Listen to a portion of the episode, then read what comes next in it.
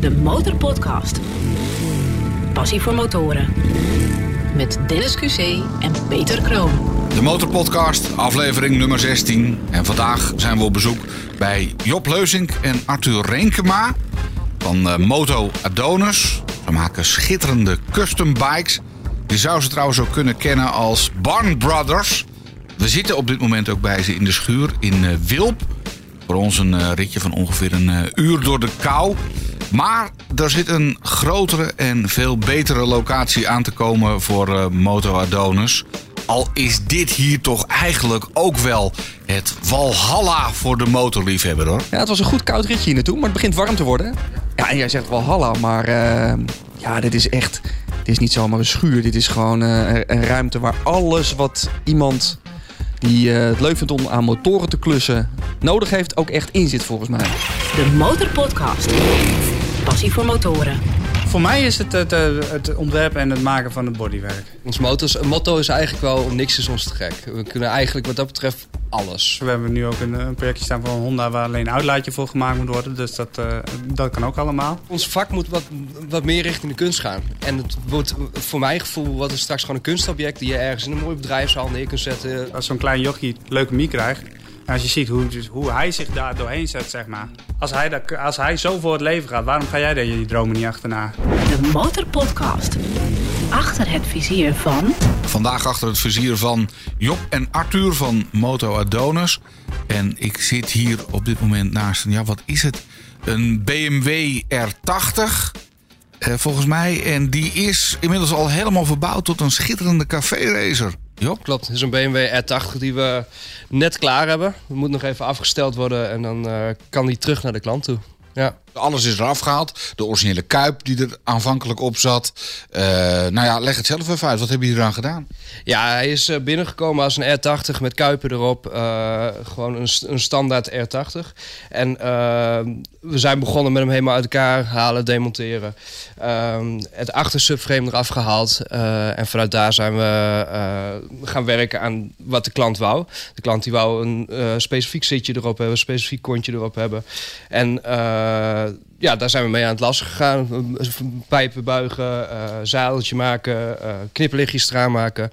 En dan eh, daarna helemaal weer uit elkaar halen. En eh, naar de poederkoten toe en eh, naar de spuiten toe. En daarna weer eh, monteren. En dan krijg je dit resultaat. Begrijp ik het dan goed, eh, Arthur, dat jullie echt alles doen wat een klant vraagt aan jullie om te doen aan zijn motor? Ja, nou ja, het moet wel het enigszins bij ons plaatje ook passen, zeg maar. Dus dat wij er wel ons eigen draai aan geven. Eh, want eh, ja, het, het, eh, het- het- we vinden wel dat we als we bedrijf zeg maar, iets moois moeten leveren. Maar in principe maken we wel altijd wat de klant wil. Want je hebt het over bedrijf. Laten we eerst even terug in jullie passie. Want wie hebben we eigenlijk voor ons? Waar is je motorpassie begonnen, Arthur? Ja, hier echt letterlijk op het weggetje hiernaast. als eh, jongetje van acht op mijn, eh, wat was het? Het was een invalide kar. Een, eh, een driewieler invalide bromfiets. Eh, eh, en die heb ik gekregen van een oom. En, en die zegt, nou, ik doe er niks mee mee. Hier heb je dat ding. Nou, dat ding ging natuurlijk binnen twee dagen kapot. Dus nou ja, toen begon de sleutel al. Job, bij jou is het ook heel vroeg begonnen. Jij was ook een, weet ik wel, een jaar of twaalf toen je al met brommers in de weer was. Ja, ik was um, 11 jaar. Ik weet nog precies. Ik kreeg me op mijn 11e van mijn verjaardag, van mijn, mijn verjaardag kreeg ik een Poeg Maxi.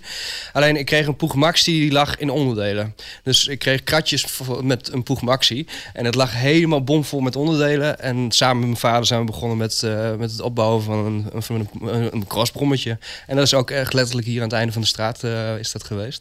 En eh, daar is mijn passie wel begonnen voor, eh, voor motoren en tweewielers en brommers. En, eh, ja. Het zat er bij deze twee mannen wel heel erg jong in, volgens mij. Van alle 15 afleveringen nu hiervoor, wel de jongste. Wat was dan je eerste bike? Ja, de, de- mijn echte, echte eerste bike was Yamaha RV1.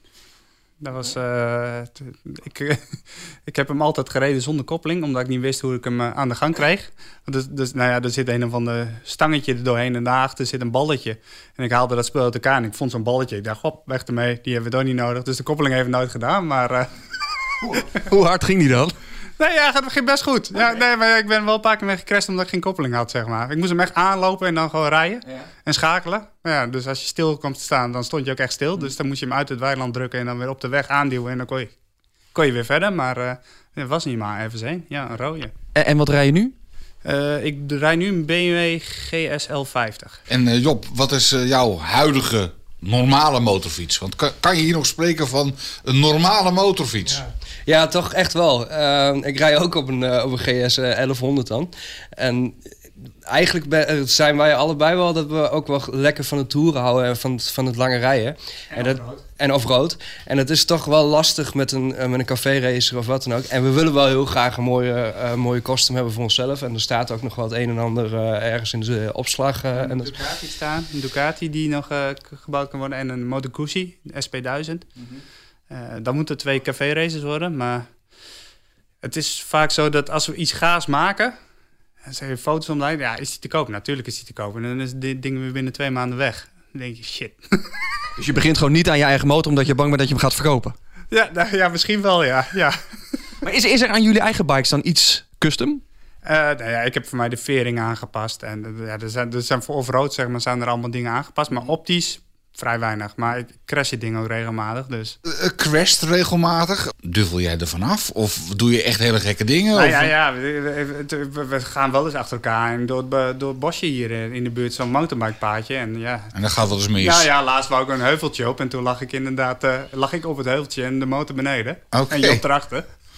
Lachend. Ja, lachend. Nog lachend. Ja. Oh, ik zou dan geloof ik vreselijk vloeken. Nee, ja, ja, ja. het gaat niet zo hard dat het, eh, dat het echt eh, zeer doet, zeg maar. Dan zitten er een paar butsen in. En dan wordt hij weer... Ja, dan, dan, Ja. dan maak je hem echt weer custom. Dan maak je hem weer mooi. Ja, ja, ja. Dat komt vanzelf. die, zeg, die behoefte die komt vanzelf. Oké. Ja. We zitten hier in de omgeving van, of we zitten in Wilp. En het is wel een lekkere omgeving om, eh om uh, off-road te rijden volgens mij. Ja, volgens mij wel. dat is geen probleem. De Motorpodcast. Passie voor motoren. Elke twee weken in je favoriete podcast-app. De motorpodcast.nl We hebben jullie eh, eh, bikes nu op een rijtje. Maar hoe komen jullie dan van de bikes tot deze werkplaats en tot Moto Adonis? Ja, dus, eh, we zijn eh, lang geleden, eh, we waren altijd met auto's bezig. Ook minis, ik een hele tijd eh, in gedaan. En eh, Job die kwam, mijn broertje kwam eigenlijk helpen met mijn mini, die ik aan het restaureren was. En eh, Job die kwam een keer mee en die zegt, ja, ik wil ook wel helpen. Nou ja, toen zijn we eerst in, in Loenen zijn we een tijd bezig geweest met die minis. En eh, later naar Wilp verhuisd. En eh, toen we hier in Wilp die minis af hadden, ja, toen ja, ik zeg, we zaten een beetje met een empty garage syndroom. Wat gaan we dan doen? Want het was eigenlijk wel heel gezellig op de dinsdag en donderdagavond. Eh, nou, laten we eens een keer een motorfiets maken. Nou ja, en die, dat, die eerste motorfiets die, die hadden we af en die werd in de Big Twin geplaatst gelijk. En eh, daar hadden we gelijk vrij snel een koper voor, een eh, Italiaan ver weg. En die, eh, ja, die, die, die, die motor verkocht goed. Dus toen dachten we, nou, dat, dat smaakt naar meer. ja. We gaan door. Zaadje geplant. Ja, zeker weten. Ja, en het was gewoon echt... Ten opzichte van auto's is het gewoon... Ja, je, dit, dit til je op, zeg maar. Hier til je je motorblok van op. Als je een beetje kwaad maakt. Maar auto's is allemaal lomp zwaar. lig je op de grond te ouwehoeren. En ja, de motor kan je gewoon op de brug zetten. Dat was voor ons denk ik wel de hoofdreden. We zijn vijf jaar lang met die minis bezig geweest. En op een gegeven moment ben je het zo zat om te schuren, plamuren. eh, met, met één specifieke auto bezig, bezig te zijn. En toen hadden we zoiets van, we moeten wel echt nou wat kleiners gaan doen. Wat, gewoon, wat je eigenlijk in een paar maanden kunt, kunt opbouwen. Waardoor het niet saai meer wordt.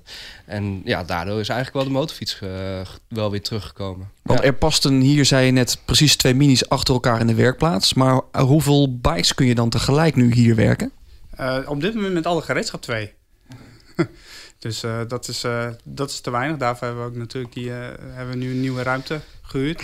Net sinds deze week. Een stuk groter, hè? Vier keer zo groot ongeveer, Ja, ja, vertelde je. 120. Ja. Ja.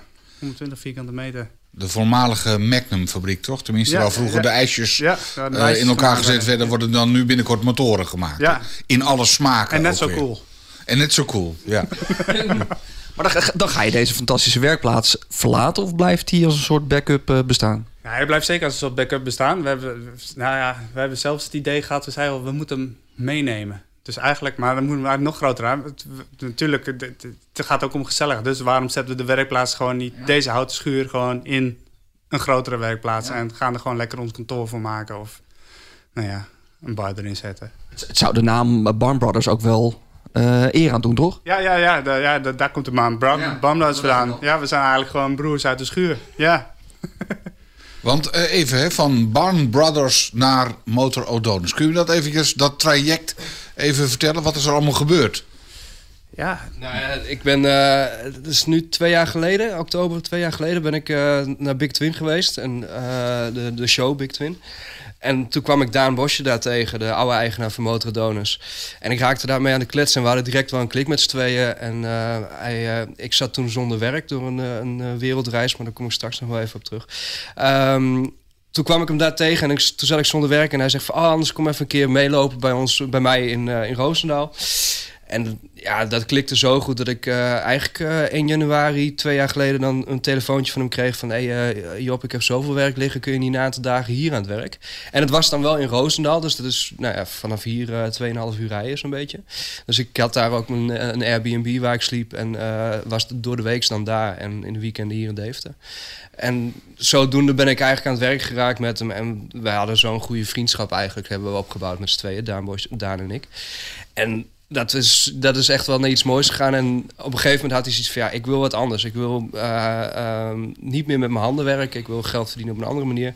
En toen kwam hij door een, een, klant die in de vastgoed zat... eh, in de vastgoed terecht. En de klant die zei van... oh ja, jij kunt wel wat met sales en je kunt wel wat, eh, wat verkopen. En daar is hij door in de vastgoed terechtgekomen. En, had, ja, en daarna heeft hij ik ga de vastgoed in. En ik wil van Motor Adonis af. En ehm, wil jij het niet overnemen? En ja, toen heb ik eigenlijk wel direct gezegd van dat wil ik wel. Alleen in mijn eentje zie ik dat gewoon niet zitten. Ik ben gewoon iemand die echt wel graag met mensen in de werkplaats zit en met mensen om me heen heb. En toen had ik zoiets van ja, ah, laten we het gewoon samen doen eh, met Auteur. En uh, zodoende is dat, uh, ja, is dat gebeurd. Dit is volgens mij echt een jongensdroom die, uh, die waarheid is geworden, toch? Ja, dat is echt. Uh, ja, ik, bij, bij mij zeg maar voordat Job op wereldreis ging, uh, kreeg ik een, uh, nogal een harde klap in mijn gezin. Mijn jongste zoontje kreeg leukemie. Uh, nou, daarvoor waren, waren we eigenlijk bezig om nou ja, een bedrijf te beginnen in, mijn, in, in custom motoren. Maar ja, do, door, daardoor dacht ik van ja, ja, daar kan ik er niet bij hebben. Laat je alle sleutels uit de handen vallen ja, en dan moet je dat gaan doen. Ja, dan is het ook nog wel s'avonds sleutelen, maar alleen omdat je het wil, zeg maar. Dus alleen ja. omdat je zin hebt om iets te gaan doen, even je hoofd te verzetten. En dat heb ik, heb ik ook al veel gedaan, maar uh, ja, de prioriteiten liggen dan niet bij een klant zoeken, nee. zeg maar. Dan is het gewoon je eigen, uh, eigen motorfiets maken. En uh, nou ja, toen dat eenmaal over was, ja, dan krijg je toch... Ja, je, het is heel, altijd heel stereotyperend. Je krijgt een heel andere kijk op de wereld. Want als zo'n klein jochie toen acht... Uh, nee, hij was toen vijf, leukemie krijgt. En als je ziet hoe, hoe hij zich daar doorheen zet, zeg maar. Mm. Uh, met elke week chemo's en ja, slecht voelen. Uh, een paar keer kantje boord gelegen. En gewoon de volgende dag zit hij, gaat hij er gewoon weer vol voor het leven, zeg maar. Zover als hij kan. Dan denk je, ja... Als hij, dat, als hij zo voor het leven gaat, waarom ga jij daar je dromen niet achterna? Ja, echt een mindset van en nu ga ik. Ja, en toen kwam daardoor, je precies met ja. het, uh, op tijd met het goede verhaal van: joh, zullen we niet samen uh, Motor Dones overnemen? Ja. En toen dacht ik: gaan we gewoon doen. Ja, dan, ja, we hebben volgens mij een half uurtje besloten. We gaan het gewoon doen. Kijk op. Biertje opengetrokken hier in de, in de garage en uh, gaan. Ja, precies. Ja. Dus uh, ja, ik en, krijg er nu nog kippenvel van. Dat is echt gewoon. Uh, dit voelt nou, als de beste, de beste stap die ik. Uh, die je ja. hebt genomen in je hele leven zo ongeveer. Van, en nu gaan we er echt voor. Ja, precies. Ja. Okay. Betekent dat dan ook dat jullie, want hè, dit is nu uh, een mooie sfeervolle werkplaats, er staan twee bikes, jullie zijn met z'n tweeën, jullie gaan zo meteen vier keer zo groot worden. Jullie, jullie nemen Moto Adonis over, dat hebben jullie net gedaan. Gefeliciteerd nog daarmee trouwens. Uh, mooi pand. Moet er dan ook personeel bij? Wordt het dan een echt groot bedrijf of houden jullie deze charme? Nee, we gaan zeker deze charme houden. Ja, uh, we doen het omdat we het leuk vinden. En als we het niet meer leuk vinden, dan kappen we er ook mee. Mm -hmm. uh, nee, het is, het is gewoon echt omdat we dit willen doen, zeg maar. Uh, nou ja, de reden ook waarom jullie zeg maar, de podcast maken. Ja, ja. ja het is gewoon omdat je het gaaf vindt. En, uh, en dan gaan we, ja, gaan we ons boterham mee proberen verdienen. Ook al is die dan met hagelslag in plaats van uh, oude kaas. Ja. Dan prima. Maar ja, Mooi, mooie passie. Uh... En behalve dat je uh, Motor Odonus de naam hebt overgenomen, heb je ook misschien wel heel veel gereedschap en spullen, want die lagen daar ook nog. En klanten? Nou ja, klanten sowieso. Klanten hebben we echt wel een aantal van overgenomen. En dat is wel het mooie wat we. Ja, dus we zijn drie maanden geleden hebben we de beslissing gemaakt om het over te nemen. En in die tussentijd hebben we al acht projecten staan wat, wat klaar moet. Um, en gereedschap, dat is natuurlijk... We zijn begonnen met de Baum Brothers. We hebben uh, ja, de gereedschappen hebben we daarvoor ook nodig gehad. En dat staat hier nu ook allemaal in de schuur. Dus eigenlijk aan gereedschap hebben we, bij, hebben we niks overgenomen van motordonors, omdat we alles al hadden. Ehm, Maar in de klantenbestand hebben we zeker, eh, zeker wel een mooie klanten aan overgehouden. Ja. Ja. Ja, en toen, dat, dat, wij zijn ook echt sleutelaars en bouwers. Want toen we die minis af hadden, hij heeft, ik heb hem 2,5 jaar in een schuurtje hebben zien, eh, zien staan. Ik heb hem denk ik vier keer eruit gehaald om naar de APK toe te rijden. en verder eigenlijk niet. Toen dacht ik, ja, wat moet ik met dat ding? Dus eh, verkocht. En toen dacht ik, nou, de helft eh, van, van de opbrengst, Job heeft ook meegeholpen. Laten we alles gewoon in de schuur pompen. En dan kopen we gewoon gereedschap, ja. Maar is er iets, want je kan hier een willekeurig laadje opentrekken. Hier ligt echt alles wat je hartje begeert volgens mij. Is er iets wat jullie niet hebben in deze schuur? Eh, Met andere woorden, wat zou je zo meteen doen met de vraag... Oh, ja, voor 100.000 euro iets kopen voor je passie? nee, ja, dat is... eh, daar kom je zo hebben nog genoeg mensen. Ja, ja. Oh, je bent voorlopig Onze- nog niet klaar dus. Nee, onze draaibank is uit 1960 ongeveer. Dus, Nou, eh, een nieuwe draaibank. Ik ik voel erbij wel aan. Ja. Nou, we horen het zo van jullie. De Motorpodcast. Passie voor motoren. Even een profielschets. Hè. Hoe ziet jullie gemiddelde klant eruit? Want ja, ik ben iemand die gewoon een motor bij eh, een winkel koopt. Hè. Eh, liefst een nieuwe als het even mee zit allemaal, financieel. Ehm, Als het even technisch wordt, breng ik het meteen naar de garage. Dus ik, Ja. doe, er, ik doe er helemaal niks aan. ja, nou ja, ik, ik wil wel eens een kabeltje doen en, en, en olie verversen, maar dan houdt het ongeveer op. Maar hoe ziet jullie gemiddelde klant eruit? Wat is dat voor iemand die zegt, maak voor mij maar een motorfiets? Ja, dat is heel verschillend. Er is echt eh, een aantal jongens die gewoon net hun motorrijbewijs hebben gehaald en eh zoiets hebben van, oh, ik wil gewoon direct op een dikke motorfiets rijden. Maar ook, eh, ja, midlife crisis zie je ook nog wel eens hier en daar voorbij komen. En het is echt heel verschillend. Maar ook vrouwen. Dat, ja. Ja, wij noemen dat eh, sinds eh, een paar podcasts geleden de midlife celebration. Midlife hè? celebration, ja. Ja. Ja, nee, dus midlife crisis bestaat niet. We, we, we vieren dat we een bepaalde leeftijd bereikt Zit er hebben. middenin. En dat we dat dus met een motor eh, kunnen vieren in ieder geval. Dus, eh, maar goed, eh, ja, zijn dit nou altijd een soort tweede motorfiets? Hè? Stel, eh, je hebt een goede motorfiets om door de week mee te rijden naar je werk. En dan heb je er een, een fraai exemplaar bij voor het weekend. eh, zeg maar de mooi weer eh. Ja, ik denk dat het grotendeels wel echt de mooie weerrijders zijn die, eh, die hierop rijden. Maar wat we eigenlijk wel zien is dat het ook wel de eerste motorfiets is van veel klanten. Maar dat zijn dan inderdaad ook wel vaak de mooie weerrijders die er dan op rijden. Dus wordt, over het algemeen worden niet heel veel kilometers op deze motoren ger- gereden. Maar we hebben ze ook wel voorbij zien komen. Dat, eh, eh, we hebben een, een BMW eh, een GS ook gebouwd. En daar wordt wel veel op gereden. Dat, ja. Ja, want wat ik me afvraag, hè, er hangt hier een motorblok in de lucht. Er staat een, er staat een BMW, er staat een Ducat. Nou, die BMW die kan eigenlijk zo strikt eromheen, die, die kan de, de vitrine in. Ja, die is klaar. Ehm, wat doen jullie wel en wat doen jullie niet? Als ik als klant bij jullie binnenkom en ik heb bijvoorbeeld alleen een frame en dan moet een motor omheen, doen jullie dat? ja. Ja, En als ik alleen een stepje wil vervangen, kan dat ook? Kan ook, ja. Ja, nee, dit, is, eh, dit is van de kleine aanpassing, dus eh, net een ander kontje. Ik heb eh, een paar weken geleden ook een ander kontje op een, op een eh, R100 gezet. Of nee, eh, eh, K100. En, maar ja, of alleen een uitlaatje maken. We hebben nu ook een, een projectje staan van Honda waar alleen een uitlaatje voor gemaakt moet worden. Dus dat, dat kan ook allemaal. Eh, maar ook inderdaad, kom met een, alleen uh, kom bij wijze van spreken met een handvat binnen en je bouwt hier een motorfiets omheen. Ja, dat kan ook. Maar dan, maar dan, hè, dan, eh, dan heb ik een idee. Maar ik ben technisch niet onderlegd. Dus ik heb dan, weet ik veel, tekeningen gemaakt. Of ik heb foto's verzameld. Eh, en dan kom ik bij jullie. En hoe ga je dan technisch te werk? Of hoe ga je überhaupt zo'n plan aanpakken? Nou, ga eerst even kijken wat, uh, inderdaad wat jij wil. Dat vinden we vooral belangrijk. Ja. Dus echt gewoon de wensen van de klant moet je eerst... Uh, van de persoon, ja, klinkt zeg maar klant, maar, uh, maar uh, die moet liefhebber. je eerst, ja, liefhebber, die moet je eerst te boven brengen. En dan ga je met z'n allen inderdaad vaak, nee, tegenwoordig met Instagram, Facebook, eh, foto's verzamelen. Eh, wat vind jij een gaaf motor? Ik vind dit mooi van dat ding. En nou ja, dan gaan we op elkaar om tafel om te brainstormen uh, wat we dan op papier een beetje schetsen van, ja. nou, dit, zoiets gaat het worden. En dan gaan we dan in de computer uitwerken. Uh, eerst vrij plat in, in, 2D en later gaan we daar een, een rendering van maken. Dat zijn die de, de, tekeningen, of tekeningen zijn het eigenlijk niet, gewoon de, bijna de foto's muur, die hier aan de muur hangen. Die maak jij? Ja. ja, ja, die maak ik, ja. En kan dan werkelijk alles? Stel je voor dat ik zeg van joh, ik wil uh, mijn achterbrug uh, een halve, nee, halve meter is misschien wel heel erg lang, maar 40 centimeter naar achter en ik wil uh, 20 centimeter hoger zitten. Zitten er ook limieten aan wat ik zou willen? Nee, voor mij betreft niet. Nee, maar dat is ook wel ons motto. Ons motto is, motto is eigenlijk wel niks is ons te gek. We kunnen eigenlijk wat dat betreft alles. Nou, ik wil niet zeggen alles, maar als je eh, zegt van ik wil een jetmotor of zo erin hebben, dat. eh, maar eh, Ik voel een uitdaging aankomen, ja, ik jongens. wou net zeggen, ik Heb moet je niet iets aan je ik- motor wat je wilt sleutelen? Kom de motor ik dan is, dan gaan het van, fixen nou, voor wat je. kunnen we niet, maar ja, eigenlijk is wel ons, ons motto niks is ons te gek. En we hebben ook wel een hele mooie samenwerking met, met andere motorbedrijven die in sommige dingen wat beter zijn dan wij zijn. En dat doen we ook gewoon uitbesteden. Ehm, zoals het bovenste plaatje, er wordt nu een voorvork voor gemaakt. En dat, ja... Maar net als net heb ik gezegd, ons motto is niks is ons te gek. En we durven echt wel wat dat betreft alles aan te nemen. Wat is het gekste wat je ooit hebt gemaakt waarvan je achteraf zegt, nou, dat, dit, dit hadden we gewoon eigenlijk niet kunnen bedenken? Ik zie hier een grote glimlach. Ja, ja, de, volgens mij Job bij bezig. Die is met een CX500 bezig. Ja, ja ik heb een. dat- daar staat niet van een klant, die is, die is gewoon van onszelf.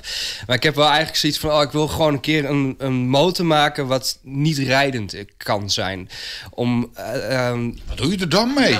nou ja, ik vind dat ons, ons vak moet wat, wat meer richting de kunst gaan. Ehm, en het wordt voor mijn gevoel wordt het straks gewoon een kunstobject die je ergens in een mooi bedrijfszaal neer kunt zetten. Eh, bedrijven zoals weet ik veel, G-Star of een TW Steel die gewoon zo'n ding up in, het, in het pand neerzetten. En als, ja, als een, een, een mooi kunstobject.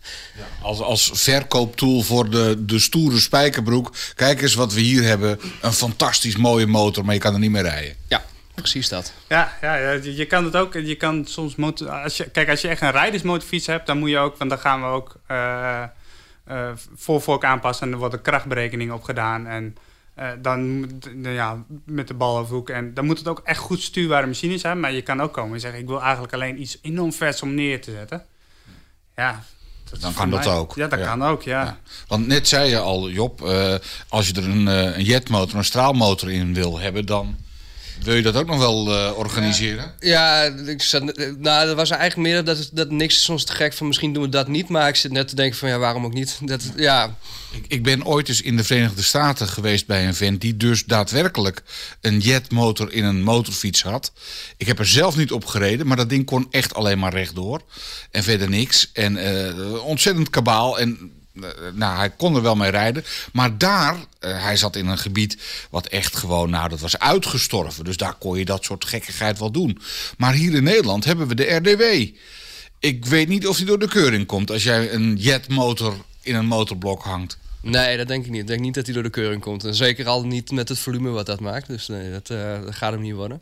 Nee, en dat zien we eh, eh, over het algemeen met de motoren die wij maken. eh, ja, dat wordt bijna niet gekeurd. Eh, maar voornamelijk omdat we ehm, aan de basis van de motor, aan het framebasis, passen wij eigenlijk nooit wat aan. Als dat wel gedaan wordt, we hebben wel motoren gebouwd waar eh, ehm, bijvoorbeeld de, de BMW GS, daar hebben we de hele paralever vanaf gehaald en een heel ander type voorvork ingezet. En dat, dat moet, daar moeten we wel echt mee naar de RDW om te laten keuren. En dat wordt dan wel gedaan. Nu je het daar toch over hebt, is een vraag binnengekomen via Insta van UFO-piloot Melle. Melle, ik neem aan dat je zo heet. Dank daarvoor. Eh, wat zijn de gevaarlijke aspecten waar je op moet letten bij het bouwen van een custom? Nou, het, het, het voornamelijk is dat het veilig moet blijven. Eh, ja, dat zegt- dan gaan we ervan uit dat je een rijdbare motorfiets wil. Dus dan zit je gewoon binnen kaders waar je binnen moet blijven om nou ja, de stuureigenschappen goed te houden. Eh, vermogen vind ik nog een ander ding. Ik bedoel, ja, dat is, dat is je rechterhand. Maar eh, remmen moeten goed zijn. De, de, de stuureigenschappen moeten goed zijn. Hij moet veilig zijn. Je moet goed kunnen remmen. Nou ja, dat, dat zijn zeg maar de basisdingen. Die gaan we gewoon 100% voor elkaar maken. Daar gaan we ook niet op besparen. Zeg maar. Je kan wel zeggen, ja, ik wil 400 pk. En laat me gewoon de trommelremmetjes erop zetten. Maar dat gaan we niet doen. Ja, maar ik wil net zeggen, er staat er hier dus in, inderdaad, die BMW heeft een trommelremmetje achter. Ja, zeker. Ik bedoel, tegenwoordig moeten toch allemaal eh, twee schijven voor en inmiddels in ieder geval één achter. Ja, maar ja, de- minimaal. de- deze, is, deze is origineel. Dus die, eh, die, Dat eh, mag gewoon nog. Ja, ja, die loopt niet sneller. Dus eh, nee, dus gewoon zoals de fabriek hem geleverd heeft.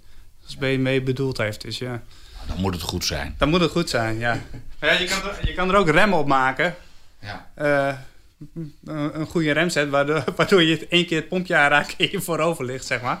Dan moet natuurlijk ook, dat is, dat is het andere. Nee, dat moet je ook weer niet, niet Ik willen. zal er zo even een foto van posten op onze Insta, want dan eh, kun je zien hoe hij eruit ziet. Echt, hij is echt prachtig, eh, mooi opgepoetst. En eh, ik neem aan dat hij zo naar de klant gaat. Ja, zeker. Ja. Do- Doen jullie echt alles, alles zelf? Of heb je ook weer een partnertje voor zus en een partnertje voor zo? Nou ja, we hebben bijvoorbeeld zadels, over, eh, die laten we door Marcel Mille maken. Ja. Eh, die, eh, ja, dat is gewoon kunstenaar met leer en eh, die doet gewoon alleen maar motorzadels. Eh, die woont hier dichtbij in de buurt, dus dan maken wij vaak het seatpannetje. En dan, eh, ja, inmiddels kunnen we gewoon zo goed samenwerken, dan fotootjes sturen. Zeggen, ja, eventjes hier en dit patroontje erin. eh, dit is het dan, framepje. eh, ja, Dit is het frame. Maak hier maar een zadel voor. ja, Ja. ja. Wat, wat mij opvalt is eh, vooral café-racers. Hè? Daar hangen hier een aantal eh, 3D-foto's, die, of tenminste eh, computer... eh, eh, ja, het zijn de Renders of zo? renders, tekeningen uit de computer... waarop je kunt zien hoe de motorfiets wordt. Het zijn voornamelijk café-racers. Hè, dus een kort zadeltje, eh, een dun zadeltje. Wat mij betreft is dat net even te hard, maar goed. Ja. Ja, ja waarom café-racers?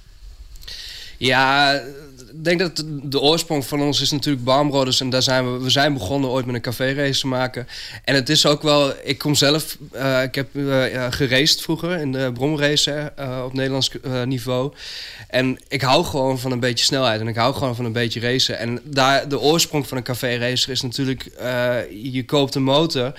Of, nou, het was vroeger echt gewoon een oud hok wat je dan ergens achter in de schuur had staan.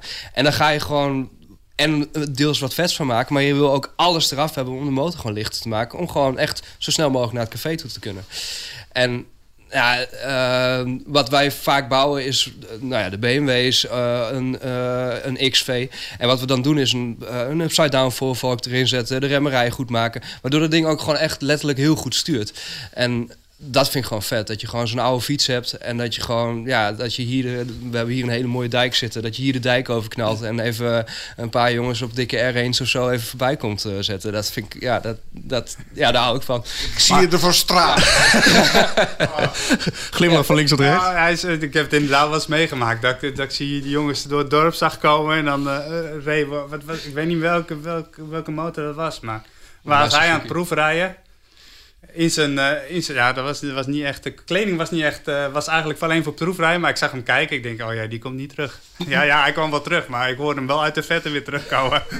Maar al kom ik met mijn supersport en ik wil eh, er iets aan... doen jullie ook? Ja, ja, en we willen nu ook, we zijn bezig om een ontwerp te maken voor een GS, een of, meer een off-road eh, achtige motorfiets. Om daar aanpassingen voor te gaan doen. De ultieme off-road bike. Tour Ja, ja. off-road. Dat zou Ja, je... En eventueel zelfs met een, eh, met een zijspanbak eraan. Oké. Nou ja, zo'n zo'n ultieme off-road, dat vind ik ergens ook nog wel mooi. Dat Ja, denk dat van, ik ook, ja. hè, dus een, een motorfiets waar je echt eh, mee kunt leven. Hè, dus je overal mee naartoe kunt gaan. eh, in de winter ook gewoon goed mee kunt rijden. eh, lange ritten kunt maken. flink wat bagage mee kan nemen. Met z'n tweeën er goed op kunt zitten. Eh, ja, dat... ja, en dan echt helemaal custom made. Ja, ja, ja, ja inderdaad. Eh, De, de, de- nou ja, koffers moet je er niet op hebben, vind ik. Maar eh, je kan al van die losse eh, zeg maar, stoffen koffers hebben, maar daar beugels voor maken. En inderdaad goede valbeugels, extra verlichting erop. Dat het ding gewoon inderdaad met 50 tegen de grond kan gaan en dat je hem weer opraapt en dat je verder gaat, zeg maar. Ja. Ja, dat vind ik wel heel gaaf. Een beetje, ja, adventure. En dat zit er nu ook aan te komen. Dat ga je Ja. daadwerkelijk in elkaar zetten. ja, ja, ja. Ja, ik denk eh, misschien dat we zelfs mijn BMW daar wel voor pakken.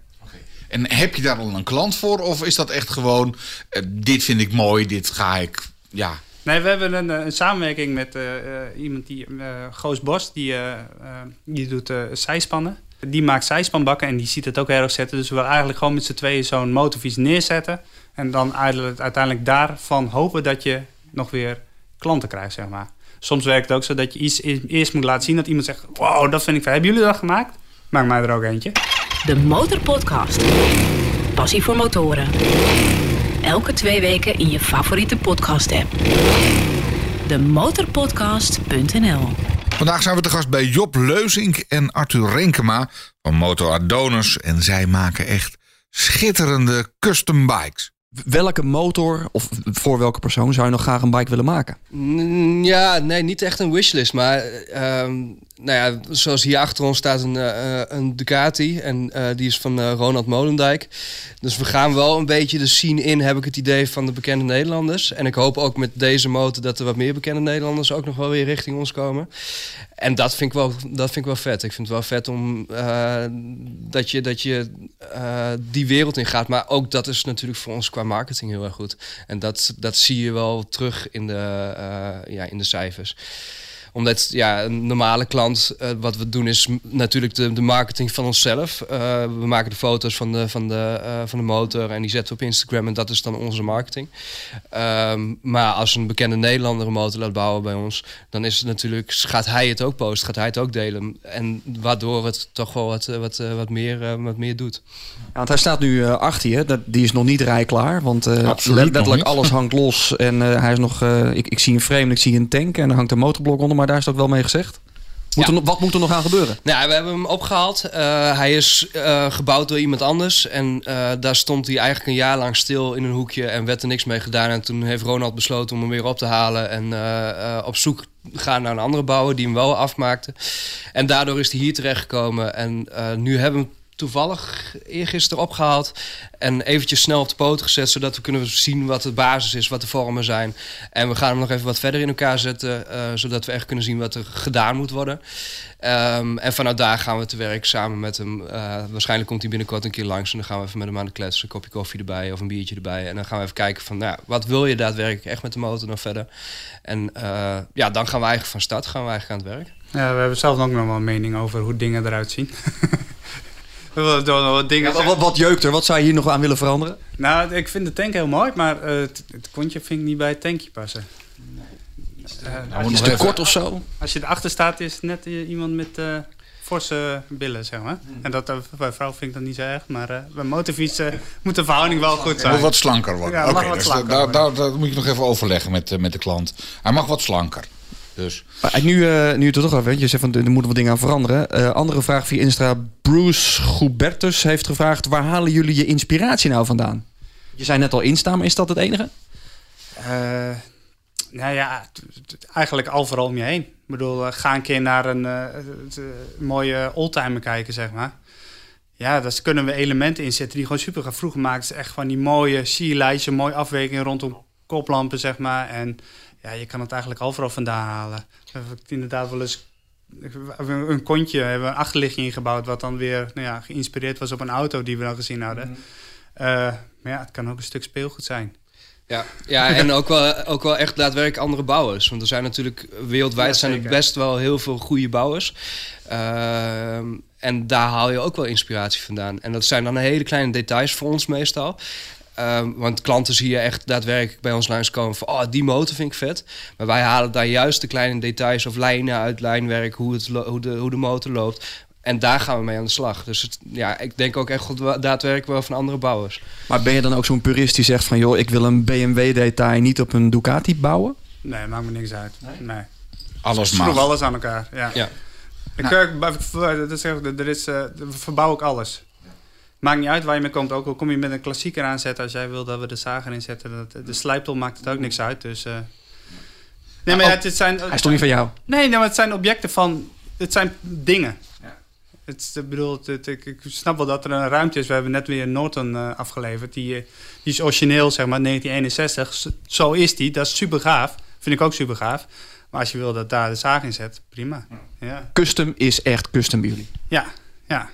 En nu kom ik als klant bij jullie hier binnen. Ik, eh, ik heb hier een paar voorbeelden gezien. Ik zie zo'n café-racer. Nou ja, ik weet van mezelf dat ik zo'n café-racer... Ja, zadeltje zit nooit zo heel erg lekker wat mij betreft. Dus ik wil het even anders. Ik, ik kom hier met een oude Harley, ik noem maar wat. Eh, wat gaat me dat dan ongeveer kosten? Want ja, als ik een nieuwe motor in de winkel koop, dan hangt er gewoon een prijskaartje aan. En dan kan ik misschien nog iets met inruil een beetje afdingen, weet ik veel wat. Maar dan houdt het wel op. Hè? eh, Hoe, hoe zit dat hier? Waar moet ik op rekenen qua geld? Nou ja, eh, deze BMW die hier in ons achter staat, die het is zo zo'n beetje in de richting van de, tussen de 10 en 12, zeg maar, zijn. En dan eh eh 10 10 en 12.000, dan heb je, ja, echt een vette fiets van. Maar we hebben net ook een eh, nieuwe BMW R9T gekocht. En ja, die, die, die gaat gewoon wel drie, vier keer Ja. zoveel. En dan betaal je, betaal je gewoon een nieuwe motor, pak je. En die trek je gelijk uit elkaar. En dan, eh, ja. Dat komt ook voor dat mensen gewoon echt met een nieuwe motor uit de winkel komen en Ja. zeggen van, nou ja, eh, doe maar... eh, Maakt me geen uit dat ik geen garantie meer heb. Sloot hem maar af. Oké. Want dat is natuurlijk best link, wat, wat je al zegt. Nee, ja, Eh, je garantie. garantie komt te vervallen zodra je de slijptol erin zet. Ja. Ja, Ja. klopt. Maar in het geval van Peter, dan na het gesprek, een kopje koffie en een biertje en de tekening, kan je redelijk goed inschatten. Dit gaat me 100 uur kosten, maal prijs en het is ongeveer dit. Ja, ja. We werken ook eigenlijk altijd wel met een, met een eh, fixed price. Eh, we, beginnen, en en het zijn er altijd hele kleine details wat een hele hoop werk kost, maar ook wat een hele hoop geld kan kosten. En daar zijn we wel, nou, door de jaren heen weten we wel wat dat gaat kosten. Ehm, dus klanten komen inderdaad hierheen en dan gaan we het helemaal bespreken. Maar het is, net wat ik zeg, het zijn hele kleine details. Zoals je kunt een motor gadget systeem erop zetten. En dat is een heel mooi eh, digitaal boxje waar je ehm, al je bekabeling, hoef, je- dan niet meer te gebruiken, je originele bekabeling. Maar dan kun je ook met je telefoon via een app kun je je motor bedienen. En er zit eh, keyless entry in. En allemaal van dat soort rare gadgets kun je wel krijgen. En als een klant dat soort dingen wil, dan kost dat gewoon heel veel extra. Want deze motor heeft dat bijvoorbeeld niet, de BMW die, eh, die we hier hebben staan. Maar als je dat er bijvoorbeeld bij opzet, dan is dat gewoon 15, 1600 euro extra. En dat zijn wel die kleine, of die kleine die dingen waar wat gewoon geld kost. En Wat zijn de klusjes waar heel veel tijd in zit en waarvan je zegt, ja, die doen we eigenlijk liever niet, maar het hoort erbij? kabelboom. Ja. kabelboom is eigenlijk wel altijd een dingetje wat, eh, Heb wat heel geen last veel... van. Nee, heb jij geen last van, omdat ik het meestal doe. Eh, maar kabelboom is eigenlijk wel een dingetje waar heel veel tijd in gaat zitten... en wat eigenlijk eh, niet zoveel aan is. Nee. En wat is het tofst om te doen? Ja, ik vind, ik vind, voor mij is het het, het ontwerp en het maken van het bodywerk. Ja, tank zit je, eh, echt het creëren, zeg maar. Dus het is mis- eerst met, eh, met lijnen beginnen, dan met eh, karton en eventueel piepschuim. En dan je aluminium bezig. En ja, dat, ja, dat vind ik gewoon super. Ja, want dat is ook het mooie van, van het bouwen wat we doen. Eh, we zijn monteurs. eh, want ja, net wat Arthur ook zei, we hebben net een Noton, een Noton afgeleverd. En die moest rij klaargemaakt worden. Dus we zijn monteurs. Maar we zijn ook eh, twee creatievelingen die gewoon het vet vinden om gewoon wat creatiefs neer te zetten. Ehm, dus je, je bent een monteur, je bent eh, een, een handwerker, maar je doet ook elektronica. Het, het is een heel compleet proces. Ik had, was wel grappig, want ik had vorig jaar had ik een stagiaire bij Motoradoners, die deed VMBO. En eh, eh, die liep een week met ons mee. En die vond zo vet wat we deden. En die zei van, oh ja, dit wil ik later ook doen. En die vroeg van mij, aan mij van, ja, wat voor opleiding moet ik hiervoor gaan volgen? En toen zat ik hem aan te kijken en ik had van... Ja, dat is een hele goede vraag. Want eigenlijk doen we... We zijn lassers, we zijn eh, elektronica, eh, we zijn monteurs. En dan ook het creatieve proces er nog eens bij. Dus er is geen specifieke opleiding voor dit. En dat maakt het voor ons wel heel erg leuk. Maar voor zo'n jongen is dat alsof... Oh shit, wat moet, ja, ik wil dit ook wel. Ja, want, want jullie eigen achtergrond is ook totaal anders. Ja, ik kom zelf uit de jeugdzorg. En eh, ik heb wel een beetje achtergrond is als automonteur. Ja. Ehm, maar ik kom oorspronkelijk uit de jeugdzorg, ja. En Arthur, jij bent eh, geboren en getogen in de garage of niet? Nee, ja, dat, dat, ik ben, dat, wel, dat wel. Wij voor eh, vormgeven. Ja, ontwerpen. Qua eh, opleiding dan. Zo zie je maar Peter, hè? als je gewoon do- doet totaal iets anders, maar als de pas je goed voelt, dan uiteindelijk, je gaat, je gaat hobby, je gaat klussen, je gaat bij een andere motorzaak werken, je gaat deze schuur beginnen, je neemt een bedrijf over. Wie weet, wie, wa- waar wil je over vijf jaar staan? Ja, eigenlijk gewoon op een, ja, gewoon een vette plek en een vette werkplaats. En het liefst eh, dat ook delen met anderen. Eh, ja, we, zijn, dan, we hebben net het bedrijf opgericht. En daar staat ook in eh, dat we begeleiding van eh, mensen gaan doen. Eh, nou, hoe, hoe hebben we het omschreven? Ja, een dagbesteding voor... Dagbesteding eh, en begeleiding van mensen. Dus eh, Misschien wel die VMBO-jongens die dat graag willen Ja, of- worden, of, eh, waar ja. nog geen specifieke opleiding voor is. Jij als man uit de jeugdzorg, eh, ja, kan die gasten misschien uitstekend Een uitleggen. mooie combi. Dat is Ja. stiekem een droom. En eh, stiekem denk ik dat die over vijf jaar er wel is. Ehm, er zit in Leeuwarden zit een motorbedrijf die dat doet. Die heeft eh, jongens als dagbesteding eh, rondlopen. Ehm, en ik kom natuurlijk uit de jeugdzorg. En het was mijn- oorspronkelijk mijn droom ook met mijn oude, oude baas... Om, om dat op te gaan zetten. Echt een motorfietsbedrijf met daarbij eh, eh, een dagbesteding. En nou, nu ga ik het via een andere route doen. Route doen. ik- de basis moet nu zijn het bedrijf eerst goed laten lopen. En vanuit daar kunnen we de eh, jongeren erbij in hebben. En dat, dat is wel echt een, een droom. En daar hoop ik inderdaad over vijf jaar wat te staan. Ja, we hebben het al over gehad over sleutelplekken verhuren. Weet je wel, dat, dat er gewoon mensen die thuis geen garage hebben in het, het centrum ergens wonen, dat die gewoon een motor bij ons kunnen neerzetten en zeggen van, nou, ik wil hier aan mijn motor werken voor een half jaar. Ja. Ja. En eh, als ik hulp nodig heb, dan eh, roep ik jullie even. En dan, eh, maar eigenlijk gewoon een, g- een vette gemeenschap. Gewoon echt gewoon met z'n allen. Gewoon, het moet gewoon gezellig zijn. Lekker bezig. met Lekker motoren. bezig zijn. De Motorpodcast. Passie voor motoren. We zitten hier lekker rustig aan een kopje koffie midden in jullie prachtige werkplaats. Achtergrond eh, zo nu en dan een beetje het eh, houtvuur knetteren van, van de haard. Eh, wat voor muziek staat hier doorgaans aan? Wat is voor jullie de plaat waar je harder van gaat? Waarvan ga je harder klussen? Ja, en dit is dus de geëikte motormuziek.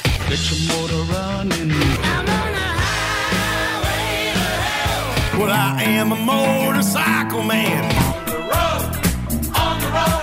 Born to be wild. Maar jij hebt vast een andere track waar je net een tikkie harder door gaat. Nou ja, eh, eh, je je vroeg het toen net. En Arthur kan ik er had- even denken. Ik had, zie- eh, ik, ik had zoiets van, nou, in de schuur hebben wij eigenlijk over het algemeen blues aan staan. Ja? Eh, blues, rockabilly, dat soort. eh, en uh, zo af en toe hardrock als we het even, eh, even vol gas willen Ja? gaan. Dat is meer mijn ding. Ja. Maar- Maar eh, de plaat waar ik zelf. ehm, ik ben op reis geweest. Daar zit wel een hele achtergrond aan. Ik ben eh, vanaf op de motor naar Mongolië toe geweest. Vanuit Nederland. Eh, Zo'n twee jaar geleden. En ik had eh, zo'n mooie eh Schubert helm met eh, headset en alles erin. Dat je gewoon goed muziek kunt luisteren ook onderweg.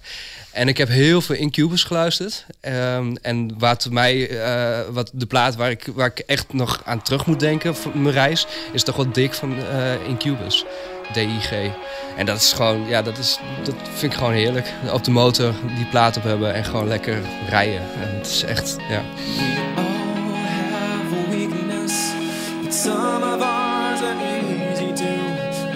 Identify. Look me in the eye and ask for forgiveness. We'll make a pact to never speak that word again. Arthur, jouw plaat, hardrock? Nee, ja, nee, ik, ik heb de hele misschien eh, cheesy, maar uh, Steppenwolf, Born to be Wild. Born to be wild. Als ik altijd op de motor zit en ik krijg een liedje in mijn hoofd, dan is het altijd dat nummer. Maar dat, Ja, dat wordt ook altijd gebruikt bij alle televisiereportages over erg- motorrijden. Is het altijd... Nee, maar ik had het tot. Ik zat, ik, zat, ik weet nog goed, ik, ik woonde toen nog in Zeewolde. En ik, zat, ik had van mijn vader een cassette recorder gekregen en daar zat een bandje in. En daar stond eh, van me de, de hele Tour of Duty en dat. Maar dat is het nummer wat bij mij, heeft, volgens mij het eerst heeft gedacht van... Nou, gaaf, motorrijden. Motorrijden, ja. Ja. Ik, als er ooit een commercial komt op tv of radio over Moto Adonis, dan weet ik al hoe die begint. Ja, dat zou wel mooi zijn. Ja. Ja, of Keep on Rolling, baby. Ja, Want, dat eh, is we hadden toevallig met, eh, met Ronald Molendijk zo'n eh, zo'n leuk eh, dingetje. Die hadden we, een, eh, we hadden het motorblok op een bakje staan en Arthur was hem aan het duwen. Dus ik had zo'n filmpje gemaakt, zo eh, Keep on Rolling, baby. Keep on rolling, baby. You know what time it is.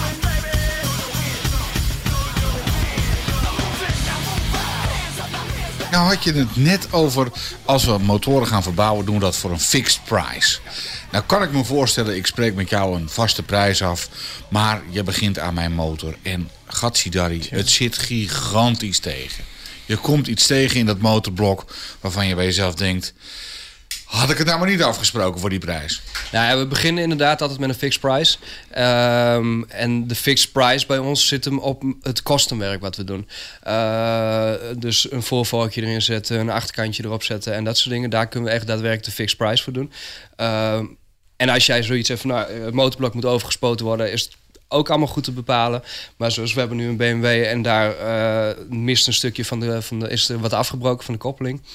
En dat zijn toch dingen wat eh, wij niet van tevoren kunnen zien. En de klant natuurlijk ook niet. Ehm, maar dat, dat, dat zijn we, daar, daar moeten we wel mee in gesprek met de klant. En meestal wordt daar niet zo heel moeilijk over gedaan. En dan doen we zoiets van, ah, weet je, er, er zat een mooie, mooie voorkuip op. eh, die kunnen we goed verkopen. Dan, dan regelen we dat op die, op die manier.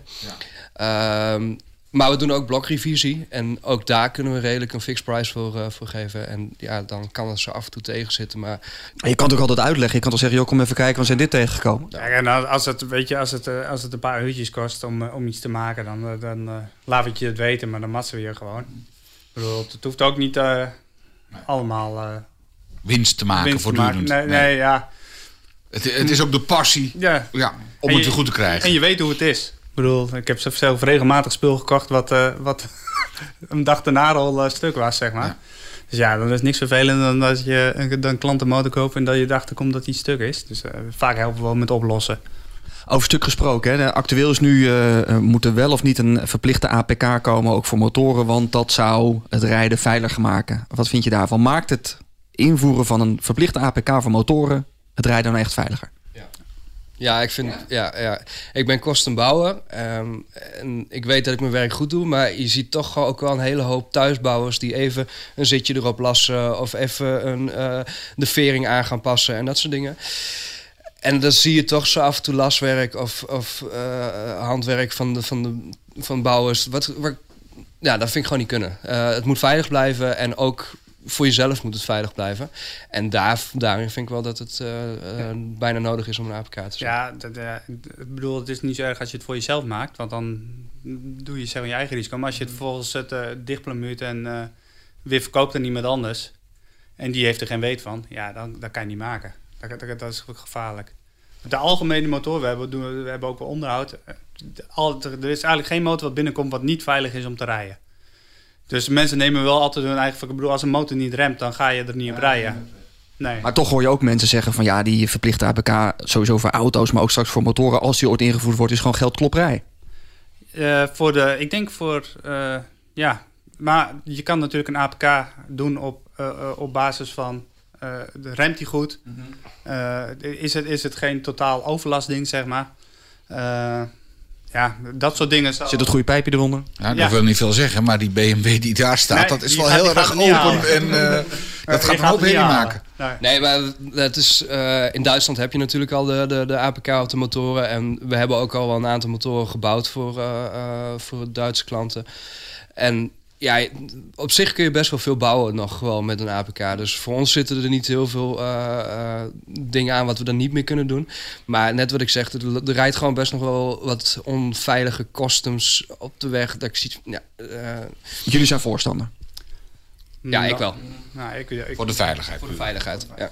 Zit het wel eens echt tegen met het, eh, met het sleutelen? Ik heb zelf ook eens een poging gedaan om te sleutelen. Ja, regelmatig. Ja, er zit toch al regelmatig. Kijk, de BMW's heb ik in de tijd dat ik bij Motordoners gewerkt heb, denk ik al wel een stuk of 40, 50 van gebouwd. Eh, de, de R80 en de R100's. Eh, dus die ken je langzamerhand zo uit je hoofd. Ehm, maar ja, ook regelmatig motoren die we echt, wat echt wel even tegen zitten. En het is toch wel vaak motorisch. Eh, een framepje maken en dat soort dingen, daar ben je toch wel langzamerhand handig in. En motorisch is het toch altijd wel dat er wel even wat tegen kan zitten. Of een kabelboom eh, wat even tegen zit. Dat je een kabelboom aan het maken bent. En dan zit toch ergens een kabeltje los of wat dan ook. En dan kun je de hele kabelboom weer loshalen. Ja, dat zijn wel dingen wat wel eh, wat vaak tegen zit. Ik was Ja. van de week eh, nog bezig met mijn eigen BMW. En ik, wou, ik even, moest even het achterwiel eruit. Ik denk, oh, ik haal even het spatbordje eraf. Ja, drie bouten die afknappen. Weet je? Dat, dat, Dan, eh, ja, nu, nu zie ik het erom te lachen, maar ik, ik kan daar niet tegen. Hè. Ik, bedoel, ik heb zelf een, een, een oude Kreitler. Uit, het, uit mijn middelbare schooltijd, tenminste. eh, dat model heb ik. En dan weer helemaal opgekalefaterd en weer helemaal netjes en mooi. Maar ja, ik weet het niet hoor. Als er dan wat is, ik word er... Ik zou er ook het geduld niet voor hebben hoor. Nou, geen geduld meer. En, en ik word er ook ja, gewoon zagrijnig van. Als er wat kapot is. we hebben, ik heb ook heel veel aan minis gesleuteld. Maar dan word je er wel handiger. Dan Ja, ik het zeggen, ik denk, accepteren. ik denk dat onze ervaring ook gewoon daarin heel groot is. Met dingen wat afbreekt en weet ik veel wat. En dat je, je weet gewoon, nou ja, eh, eh, tegenwoordig breekt er weinig af. Omdat je gewoon weet hoeveel kracht je erop kunt zetten. En FWD 40 of weet ik veel wat van tevoren. Maar als er wat afbreekt, weten we ook hoe we het moeten oplossen. En dat is gewoon de ervaring die we hebben met dingen wat afbreekt en met oude motoren sleutelen. Ik vind het wel mooi, want eh, Bart is natuurlijk ook zo'n man. Hè? Die, die, ja, die begint ook aan het project heel rustig. Maar Bart van Motorsocial, een van de eerdere afleveringen. Als je die nog niet hebt geluisterd, check hem even. En ik zag ook dat eh Slapside, eh, vlogger, Ruud heeft net ook een nieuwe Kawa gekocht. Althans een, een Kawa gekocht waarvan hij niet eens wist of die zou starten. En dan maakt hij ook weer een hobbyproject van. Ja, ik heb, ik heb toch wel respect voor mensen die het geduld kunnen opbrengen om dat te doen, zoals jullie.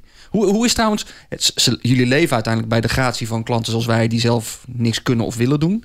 Hoe is de handel in eh, custom bikes? Hoe, eh, zijn er veel mensen die het doen? Ja, toch nog wel redelijk, eh, redelijk goed. En eh, nou, we hebben de afgelopen drie maanden wel acht klanten of zo erbij.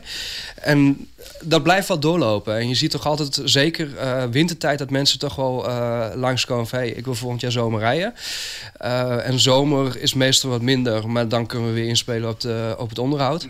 Ehm, dus het is best nog wel redelijk veel. En uh, Motor Donus heeft ook echt wel jaren gedraaid dat hij dat hij de 70, 80 op jaarbasis bouwde. Ik hoop dat we er ooit weer heen gaan, maar dat verwacht ik dan weer niet. Maar er zijn er toch wel zeker 30, 40 op jaarbasis wat we, wat we bouwen. Ja, Kun je daar goed van leven? Ja dat eh, is wel de bedoeling. Dat, eh, dat we daar goed van Dus hebben wel vertrouwen het is nog niet het geval. Dus je moet nog. Nou ja, weet je, we hebben motordonors over moeten nemen. We hebben een BV op moeten zetten. Alle eh, kosten moeten draaien nu. Dus we, kunnen, we hebben nu eerst geld in moeten steken.